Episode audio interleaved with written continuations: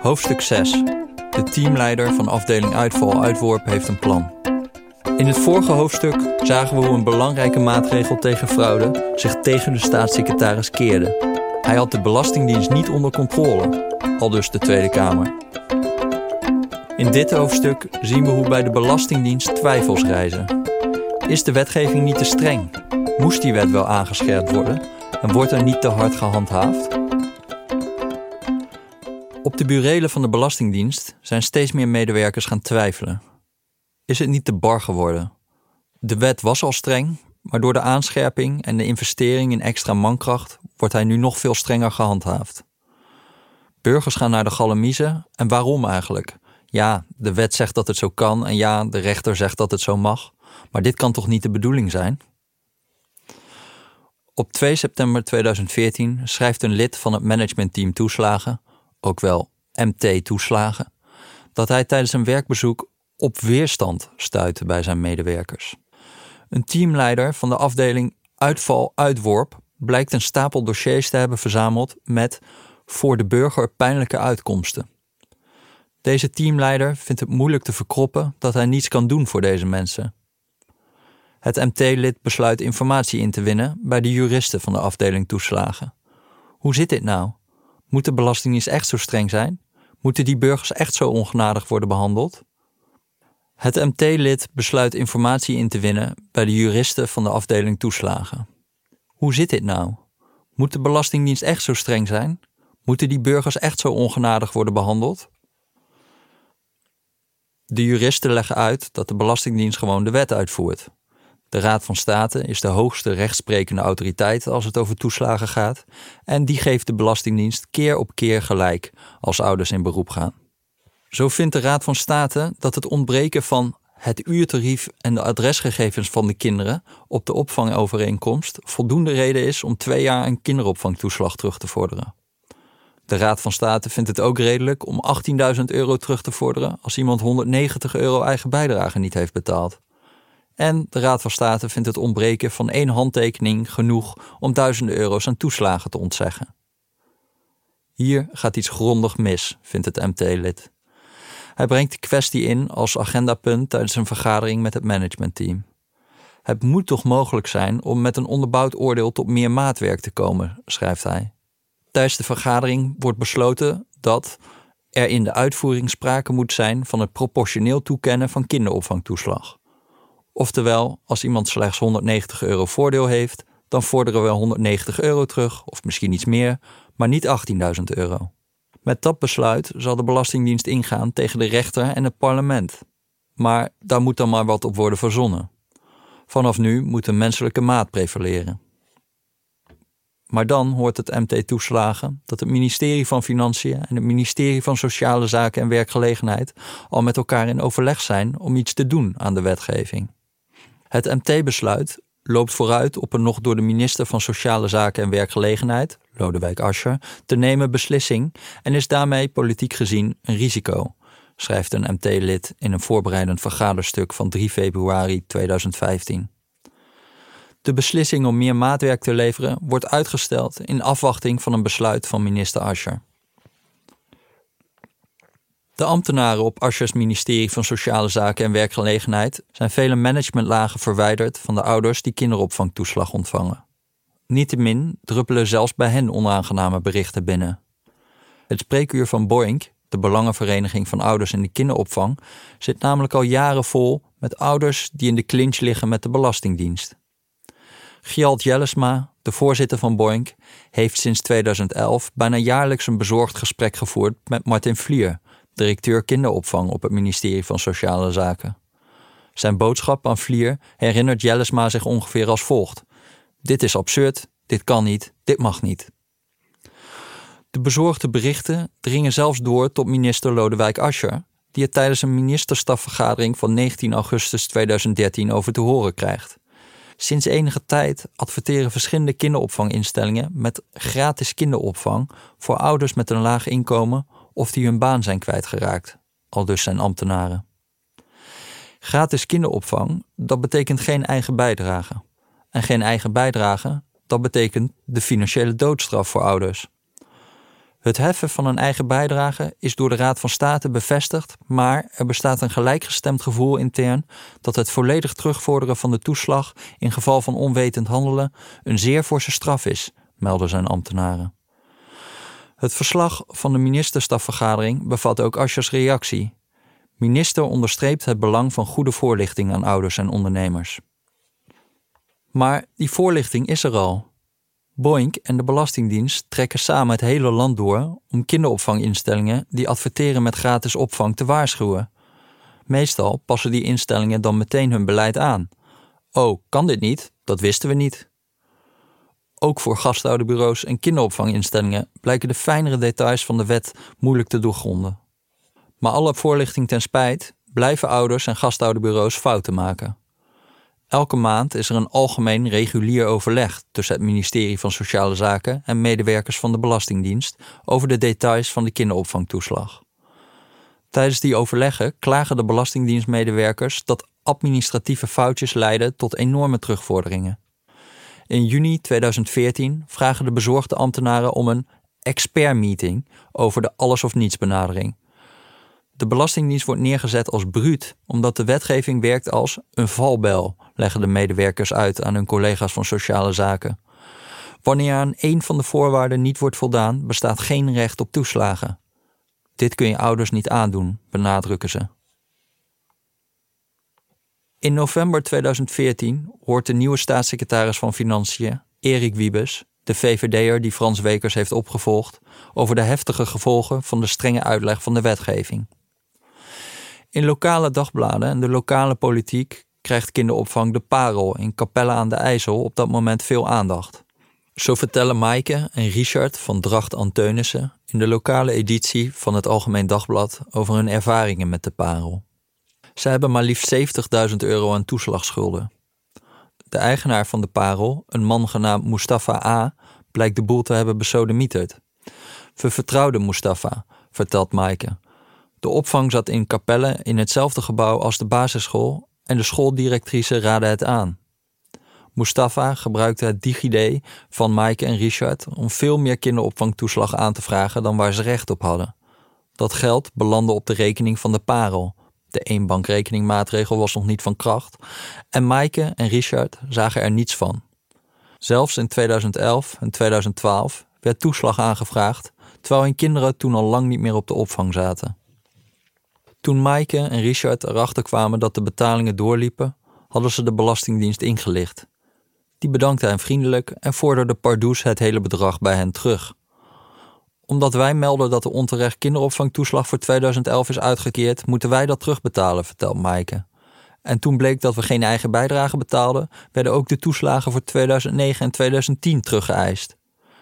De Belastingdienst schuwde het niet om grove middelen te gebruiken om die toeslagen terug te halen huurtoeslag, zorgtoeslag, inkomstenbelasting, heffingskorting, kindgebonden budget. We krijgen niks meer. We hebben al zo'n 40.000 euro afbetaald voor die oplichter, zonder daar zelf voor te kiezen, al dus Maaike. Sindsdien komt het gezin elke maand geld tekort. Dat we al jaren niet op vakantie zijn geweest, soit. Maar we hebben een huurachterstand, er liggen onbetaalde rekeningen van de zorgverzekeraar en er is vaak geen geld voor boodschappen. Zonder hulp belanden we bij de voedselbank of in een doos achter Centraal Station. Dat we nog niet op straat staan is alleen te danken aan twee behulpzame Kapelse wethouders. In september 2014 vindt een gesprek plaats tussen Peter Veld, de directeur-generaal Belastingdienst, Jaap Spicht, de advocaat van de ouders, Willeke Ravenna, een werknemer van de Parel die aangifte deed toen ze erachter kwam dat de fraude werd gepleegd, en Ans Hartnagel, een van de behulpzame Kapelse wethouders. Veld hoort over de schrijnende situatie en de enorme terugvorderingen. Op 20 november 2014 schrijft hij een memo over de parel aan staatssecretaris Wiebes. Veld legt uit dat de parel in haar contracten vastlegde dat er geen eigen bijdrage zou zijn. Hij meldt dat de gevolgen hiervan rampzalig zijn vanwege de wettelijke alles of niets benadering. Wiebes lijkt meteen door te hebben dat dit wel erg drastisch is. Oké, schrijft de staatssecretaris in de kantlijn. Als minder ingewijde vraag je je af waarom het hele bedrag wordt teruggevorderd in plaats van het bedrag van de noodzakelijk geachte eigen bijdrage. Een dag later komen medewerkers van het ministerie van Financiën, van het ministerie van Sociale Zaken en van de afdeling toeslagen van de Belastingdienst bij elkaar voor de expertmeeting over de alles of niets benadering. Een medewerker van toeslagen geeft een presentatie waarin uitgebreid wordt ingegaan op de appelbloesem en de parel. Ouders krijgen terugvorderingen van tienduizenden euro's omdat ze kleine foutjes hebben gemaakt. Vinden we dat redelijk? vraagt een medewerker van toeslagen, vermoedelijk retorisch. Ambtenaren van het ministerie van Financiën doen ter plekke een voorstel voor een wetswijziging. Vorder alleen de eigen bijdrage. Gooi daar desnoods een boete bovenop om calculerend gedrag tegen te gaan, maar eis niet 10.000 euro's terug voor kleine vergrijpen. Op 8 december 2014 krijgt minister Ascher in de ministerstafvergadering bericht over de expertmeeting. Zijn ambtenaren van Sociale Zaken schrijven dat de ambtenaren van Financiën niet te spreken zijn over de disproportionele werking van de wet. Gestreefd wordt u nog voor het kerstreces te informeren over de diverse oplossingsrichtingen, schrijven ze. Wiebes krijgt van zijn medewerkers van het ministerie van Financiën ook bericht over de bijeenkomst. Ambtelijk Sociale Zaken heeft toegezegd de beschreven problematiek met de door het Directoraat-Generaal Belastingdienst voorgestelde oplossingsrichting aan de minister van Sociale Zaken voor te leggen, schrijven ze. Mocht er onverhoopt niets uitkomen, dan willen ze dat Wiebes zijn collega Ascher aan zijn jasje trekt. Indien de minister, Ascher, de huidige regels wil handhaven, verzoeken wij u om contact op te nemen met uw collega om deze kwestie te bespreken, schrijven ze. Oké, schrijft Wiebes in de kantlijn. En dan blijft het stil. Heel lang stil. Op Aschers ministerie van Sociale Zaken zit eigenlijk niemand te wachten op gepriegel aan de wet. Die hele wet zal wat hem betreft namelijk spoedig verdwijnen. Ze zijn op dat moment bezig met een monsterproject een Nederland zonder kinderopvangtoeslag. Eind 2014 heeft Asscher het in een brief aan de Kamer aangekondigd. Ouders zullen in de toekomst geen toeslagen meer ontvangen, maar er zal een directe geldstroom richting de kinderopvang gaan. Dat is een totaaloplossing, hoopt de minister, die de fraudegevoeligheid van toeslagen en ook de hoge terugvorderingen bij ouders zal verhelpen. Stiekem kijken ze op het ministerie van Sociale Zaken uit naar de dag dat ze met de invoering van een nieuw stelsel verlost zijn van de samenwerking met de fiscus. De ambtenaren voelen zich niet altijd serieus genomen door hun collega's van de Belastingdienst, die erg gericht zijn op het ministerie van Financiën en niet op de wensen van sociale zaken. De nieuwe regeling zal dan ook door DUO van het studiefinancieringsstelsel worden uitgevoerd, die hopelijk vatbaarder is voor sturing door sociale zaken. Zo blijft een besluit van minister Ascher over het alles of niets criterium maanden in het ambtelijk luchtledige hangen. Medewerkers van zijn eigen ministerie moeten hem een nota voorleggen, maar het schrijven van die nota duurt en duurt. In december 2014 is er wel al een eerste concept opgesteld. Hoge terugvorderingen van tienduizenden euro's omdat de eigen bijdrage niet is betaald, zorgen ervoor dat ouders, vaak onderaan het loongebouw, diep in de schulden komen, staat in deze eerste versie. Maar deze versie is nog niet naar de minister verstuurd. Bij de Belastingdienst lijken ze de hoop ondertussen op te geven. Zeker nadat enkele medewerkers van de Belastingdienst op 30 januari spraken met Martin Vlier, directeur kinderopvang bij het ministerie van Sociale Zaken. Vlier laat weten dat hij niet veel voelt voor een wetswijziging. Hij vraagt of de voorlichting op de website van de Belastingdienst niet gewoon wat helderder kan. Er lijkt niet veel beweging of speelruimte te zijn rondom de eigen bijdrage, valt te lezen in een verslag van het managementteam Fraude op 16 februari 2015. Toch blijven de ambtenaren van sociale zaken aan de nota voor Ascher sleutelen. Zo wordt deze in maart 2015 nog eens herschreven. De toon wordt gematigd, de passage over ouders die diep in de schulden komen wordt verwijderd. Op 8 april 2015 wordt een laatste versie van de nota opgemaakt door de ambtenaren van Sociale Zaken. Op de besluitenlijst waarmee de nota afsluit staat: Stemt u in om samen met ambtelijk financiën te onderzoeken op welke wijze de gevolgen van terugvorderingen kinderopvangtoeslag voor ouders minder groot kunnen zijn. Maar nog altijd is de nota niet verzonden aan Ascher. En dan gaat alles mis. Tientallen Fiat-regisseurs staan in de vroege ochtend klaar voor een inval. Niet bij een motorbende of een drugspand, maar bij een gasthouderbureau, spreekt Siebe Sietsma. Het is 14 april 2015. Journalist Siebe Sietsma is er voor RTL Nieuws bij als de FIOD de voltallige administratie van een gastouderbureau in de regio Den Haag naar buiten sjouwt. Sietsma heeft zich wederom op het toeslagenfraudedossier gestort. In mei 2014 meldde hij zich al bij het ministerie van Sociale Zaken voor een achtergrondgesprek voor een item over gasthouderopvang. In het afstemmingsoverleg tussen ambtenaren van de afdeling toeslagen en de ambtenaren van Sociale Zaken van 2 juni 2014 werd het verzoek besproken. Item wordt vermoedelijk gastouderopvang deugt niet. Overheid laat het gebeuren. Wat heeft de overheid gedaan? staat in de notulen. In juli 2014 ging Sietsma ook op bezoek bij de Belastingdienst.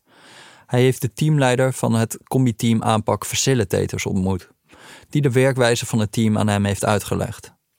Zo hoorde hij dat lopende toekenningen van bij een gastouderbureau betrokken ouders op nihil worden gezet. Sietsma vroeg om een casus voor televisie, een voorbeeld van een fraudezaak die hij mag gebruiken voor zijn reportage. En die heeft hij gekregen. Het is nog onduidelijk wanneer het wordt uitgezonden, omdat Sietsma het aan de actualiteit wil koppelen, staat in de notulen van het managementteam fraude. In maart lijkt er een mogelijkheid te zijn waarbij Sietsma mee zou kunnen lopen. Het wordt een maandje later. Zo kan het gebeuren dat Sietsma ter plaatse is als de Fiat binnenvalt. De actie is het resultaat van de noeste arbeid van het combi-team aanpak facilitators. De fraude werkt verbluffend eenvoudig, legt Sietsma uit in het item dat diezelfde avond wordt uitgezonden.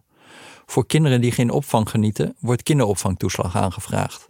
De buit wordt verdeeld tussen ouder, gastouder en gastouderbureau. Iedereen die kan schrijven en een kind heeft, kan dit doen, zegt Sietsma. Dit toont opnieuw een zwakte in het toeslagensysteem. Kamerlid Pieter Heerma van het CDA verschijnt in beeld. Het is een schande dat het zo eenvoudig is om fraude te plegen, zegt hij. En ik vind dat de staatssecretaris hier tegen op moet treden. De dag na de uitzending staat Kamerlid Tjitske Siderius achter het spreekgestoelte van de Tweede Kamer. Gisteren werden wij opgeschikt door een onderzoek van RTO Nieuws over grootschalige fraude met de kinderopvangtoeslag. Ik doe dus een verzoek om een debat. En we willen een brief, voegt Kamerlid Grace Tannemal van het PvdA daaraan toe. Er komt steun voor zowel een debat als een brief. Om half twaalf die avond mailt een ambtenaar op het ministerie van Financiën zijn collega's bij de Belastingdienst. Dame, heer, de Kamer heeft vanmiddag in zijn wijsheid besloten dat er een brief moet komen en een debat. Sociale Zaken heeft het voortouw. Het debat zal uiteindelijk van de vergaderagenda van de Kamer worden geschrapt, na meer dan een half jaar ergens onderaan de lange lijst van aangevraagde spoeddebatten te bungelen. De brief komt er wel. Fraude met overheidsmiddelen is het kabinet een doorn in het oog, schrijven Wiebes en Ascher aan de Kamer. Ze roepen nogmaals in herinnering dat er nu een comiteam aanpak facilitators is opgericht en schrijven dat de burger wordt uitgenodigd aan de balie om bewijsstukken aan te leveren. Hierbij is het adagium, zo schrijven ze, no show, no money. Hoe loopt het af met de fraudezaak die Sietsma in beeld bracht? De houder van het gastouderbureau in Den Haag wordt veroordeeld en weer zijn de ouders de dupe. Pas in 2020, als de toeslagenaffaire dagelijks het nieuws haalt, zal een team van onafhankelijke deskundigen oordelen dat de ouders van dit gastouderbureau gecompenseerd moeten worden. Uit het digitale archief van Sociale Zaken blijkt dat de conceptnota over de alles of niets benadering nooit naar Ascher is verzonden. Meer dan een half jaar na de laatste wijziging in april 2015 is de nota in de archieven opgeborgen. Pas jaren later, als de toeslagenaffaire is losgebarsten, zullen ambtenaren van sociale zaken de conceptnota aan minister Ascher weer opduikelen. Ze zullen de gang van zaken reconstrueren en melden dat na de RTL-reportage en de aandacht daarvoor in de Tweede Kamer de discussie van financiën en sociale zaken over de eigen bijdrage en het proportioneel terugvorderen op de achtergrond raakte. Als Tamara van Ark van de VVD, de latere staatssecretaris van Sociale Zaken, in die reconstructie leest dat de nota nooit meer aan Ascher is verzonden, schrijft ze in de kantlijn: Via de officiële weg neem ik aan. Je kan niet bewijzen wat niet is gebeurd. Ascher ontkent dat hij ooit van de plannen heeft gehoord. Eén ding staat in ieder geval vast. Iemand op het ministerie van Sociale Zaken was zo omgevingsbewust om te begrijpen dat een voorstel om de terugvorderingen te beperken niet zo handig was nu de fraudepaniek weer toesloeg. Staatssecretaris Erik Wiebes en zijn ambtenaren van Financiën laten op hun beurt na om zelf iets te doen. Het ministerie van Financiën gaat weliswaar niet over de wet kinderopvang, maar wel over de Algemene Wet Inkomensafhankelijke Regelingen, waarin staat beschreven hoe het toekennen van toeslagen moet worden uitgevoerd. Door in deze wet alsnog een algemene hardheidsclausule op te nemen, zoals tien jaar eerder al is voorgesteld bij de wetsbehandeling, valt de alles of niets benadering ook te omzeilen. Maar niemand op het ministerie van Financiën stelt deze wetswijziging voor. Wiebes en zijn ambtenaren blijven slechts afwachtend kijken naar het ministerie van Sociale Zaken. En het besluit van het managementteam toeslagen van 2 september 2014 om namens de Belastingdienst dan maar eigenhandig de wet anders uit te leggen? Ook daar wordt niets meer van vernomen. De ambtelijke moed om zonder politieke goedkeuring zelf het roer om te gooien ontbreekt. Iedereen laat het erbij zitten. Het voornemen om de alles of niets benadering te wijzigen verdwijnt in de stroom van werkzaamheden die belangrijker worden geacht. Van Aschers grote ambitie, zijn plan om de kinderopvangtoeslag volledig om te gooien en te vervangen door directe financiering van kinderopvanginstellingen, komt uiteindelijk niets terecht. In mei 2016 brengt het bureau ICT-toetsing, een toezichthouder die is opgericht omdat in het verleden zoveel ICT-projecten bij de overheid zijn mislukt, een vernietigend advies uit. Het bureau ICT-toetsing denkt dat het geschetste tijdspad voor de invoering veel te krap is en vraagt zich bovendien af welk probleem er eigenlijk wordt opgelost. Drie maanden later volgt een advies van de Raad van State, die het wetsvoorstel erg complex acht en zich afvraagt of de voordelen wel opwegen tegen de nadelen. Hij adviseert om het wetsvoorstel nog maar niet naar de Kamer te sturen. Ascher besluit na een brede heroriëntatie de wetsvoorbereiding toch door te zetten, zij het dat de wet pas een jaar later aan de Kamer wordt gezonden. In april 2018 trekt de nieuwe staatssecretaris Tamara van Ark alsnog de stekker uit Aschers plan. De risico's zijn te groot, vindt ze, de voordelen te klein. En de Tweede Kamer, doet die in deze jaren nog pogingen om iets te veranderen aan de alles of niets benadering? Aan de ene kant is er in de Tweede Kamer druk om het misbruik van kinderopvangtoeslag te keren. Kamerlid Paul Ulenbelt van de SP klaagt over de opmars van opa- en oma-criminaliteit. Opa's en oma's vangen kinderen op, de ouders krijgen daarvoor kinderopvangtoeslag. De opa's en oma's schenken dat vervolgens weer aan die kinderen, zegt hij tijdens het algemene overleg over kinderopvang van 26 maart 2014. Wil de minister deze vorm van criminaliteit onmiddellijk ongedaan maken? Aan de andere kant komen ook de problemen met grote terugvorderingen ter sprake in het parlement. Zo dient Tjitske Siderius, ook van de SP, in november 2014 een motie in bij een Kamerdebat over de kinderopvang. Ze eist een onderzoek naar het terugvorderen van de kinderopvangtoeslag. Ze wijst erop dat gezinnen de vernieling ingaan en dat dit tot bureaucratische situaties leidt. Minister Lodewijk Asscher van de PvdA ontraadt de motie. Die is niet nodig, vindt Asscher, want de rechter kijkt al naar deze gevallen.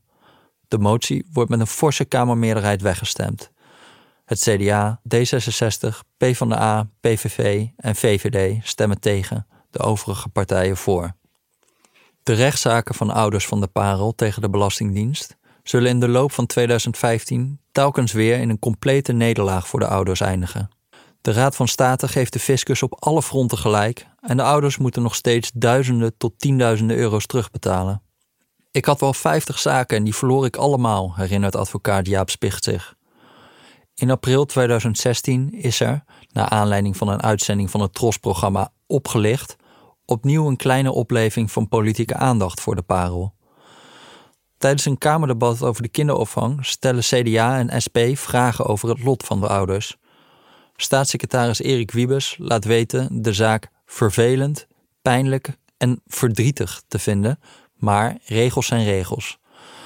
De Belastingdienst is een uitvoerder van de wet en heeft geen eigenstandige opvattingen over de wijze waarop iets zou moeten gebeuren, legt hij de Kamer uit. Aan het einde van dit debat dient Tjitske Siderius wel een motie in, maar de motie is gericht op de uitvoering, niet op de wetgeving. Stop het invorderen van de gehele kinderopvangtoeslag bij ouders die bij de parel zaten, vorder alleen de onbetaalde eigen bijdrage in.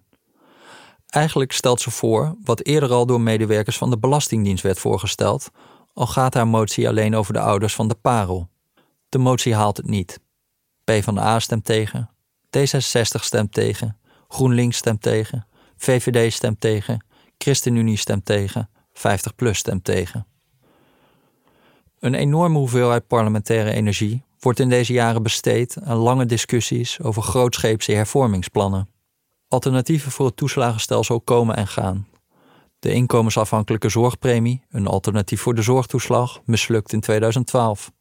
De huishoudtoeslag, een plan om alle toeslagen in één toeslag te gieten, sneuvelt in 2014.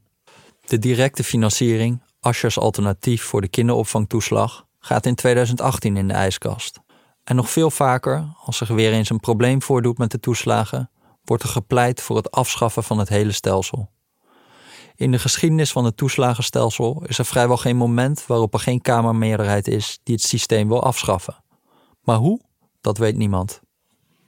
Als er in deze jaren moties worden ingediend over het bestaande toeslagenstelsel, dan zijn ze meestal weinig concreet. Zo dienen Henk Nijboer van de PvdA en Helma Neperes van de VVD in januari 2014 een motie in om de toekenning van toeslagen zo vorm te geven dat het aantal terugbetalingen substantieel wordt verminderd. Daar is niemand tegen, dus stemt ook niemand tegen. Al die tijd hadden Kamerleden die werkelijk iets hadden willen doen aan de problemen van ouders een motie kunnen indienen die met scherp schoot. Verzoekt de regering om de wet kinderopvang te wijzigen, zodat bij het onbetaald laten van de eigen bijdrage alleen de eigen bijdrage wordt teruggevorderd en niet het geheel. Of verzoekt de regering een algemene hardheidsclausule op te nemen in de algemene wet inkomensafhankelijke regelingen. Maar zo'n motie is er nooit geweest.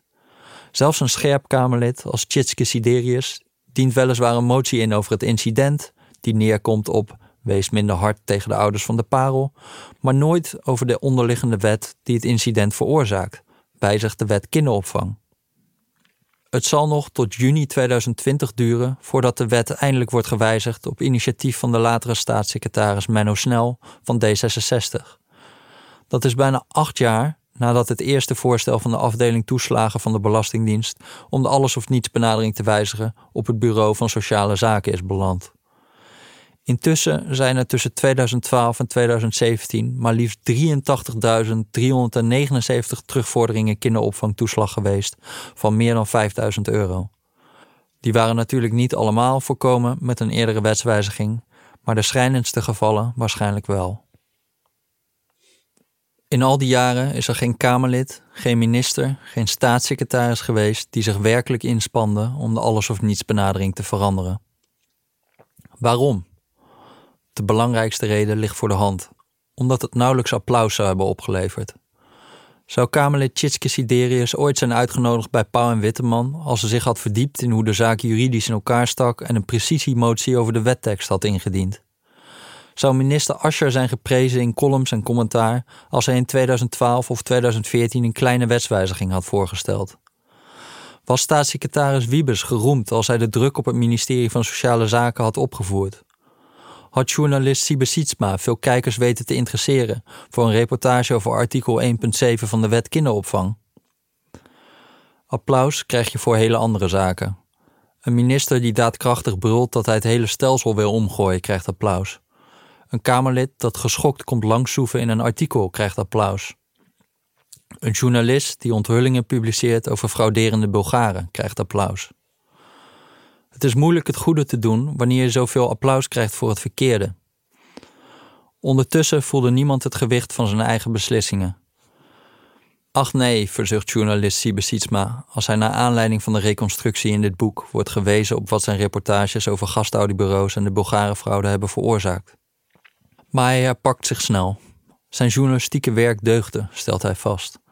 In zijn reportages haalde hij telkens meerdere bronnen aan. Je moet een knip maken tussen de berichtgeving en de gevolgen, zegt hij. Mensen zijn slachtoffer geworden van de overreactie. Maar we hebben gangbare opvattingen over tot hoever onze verantwoordelijkheid reikt. Hem valt als journalist niets te verwijten, vindt hij. Hij deed zijn werk en het is natuurlijk nooit zijn bedoeling geweest dat ouders de vernieling ingingen. Tjitske Siderius vroeg naar aanleiding van Sietsma's reportage een spoeddebat aan over fraude bij gastouderopvang en droeg er zo aan bij dat de conceptnota aan minister Ascher over verzachting van de toeslagterugvorderingen diep in een la werd gestopt. En dat terwijl zij degene was die herhaaldelijk in Tweede Kamerdebatten de problemen van ouders ter sprake bracht. naar aanleiding van de reconstructie in dit boek, vertelt ze dat het haar niet eens om fraude in de gastouderopvang te doen was. Ze vond het hele toeslagensysteem rot en wilde dat veranderen. Je hebt maar twee keer per jaar een debat over de kinderopvang, maar dat is een containerdebat waarin alles al is voorgekookt, vertelt ze. Je probeert dus alles wat er in je portefeuille zit aan te grijpen. Ook zij heeft het niet zo bedoeld. Wie heeft het eigenlijk wel zo bedoeld? De ambtenaren, de politici, de journalisten. Iedereen handelde vanuit de eigen taakopvatting. En in de som van al die begrijpelijke beslissingen ontvouwde zich de tragedie. Niemand heeft het zo bedoeld en toch is het zo gebeurd. Ieders handelen is begrijpelijk, maar mag begrip ook een excuus zijn. Een journalist hoeft geen reportages te maken waarin fraudeincidenten tot nationale kwesties worden gebombardeerd.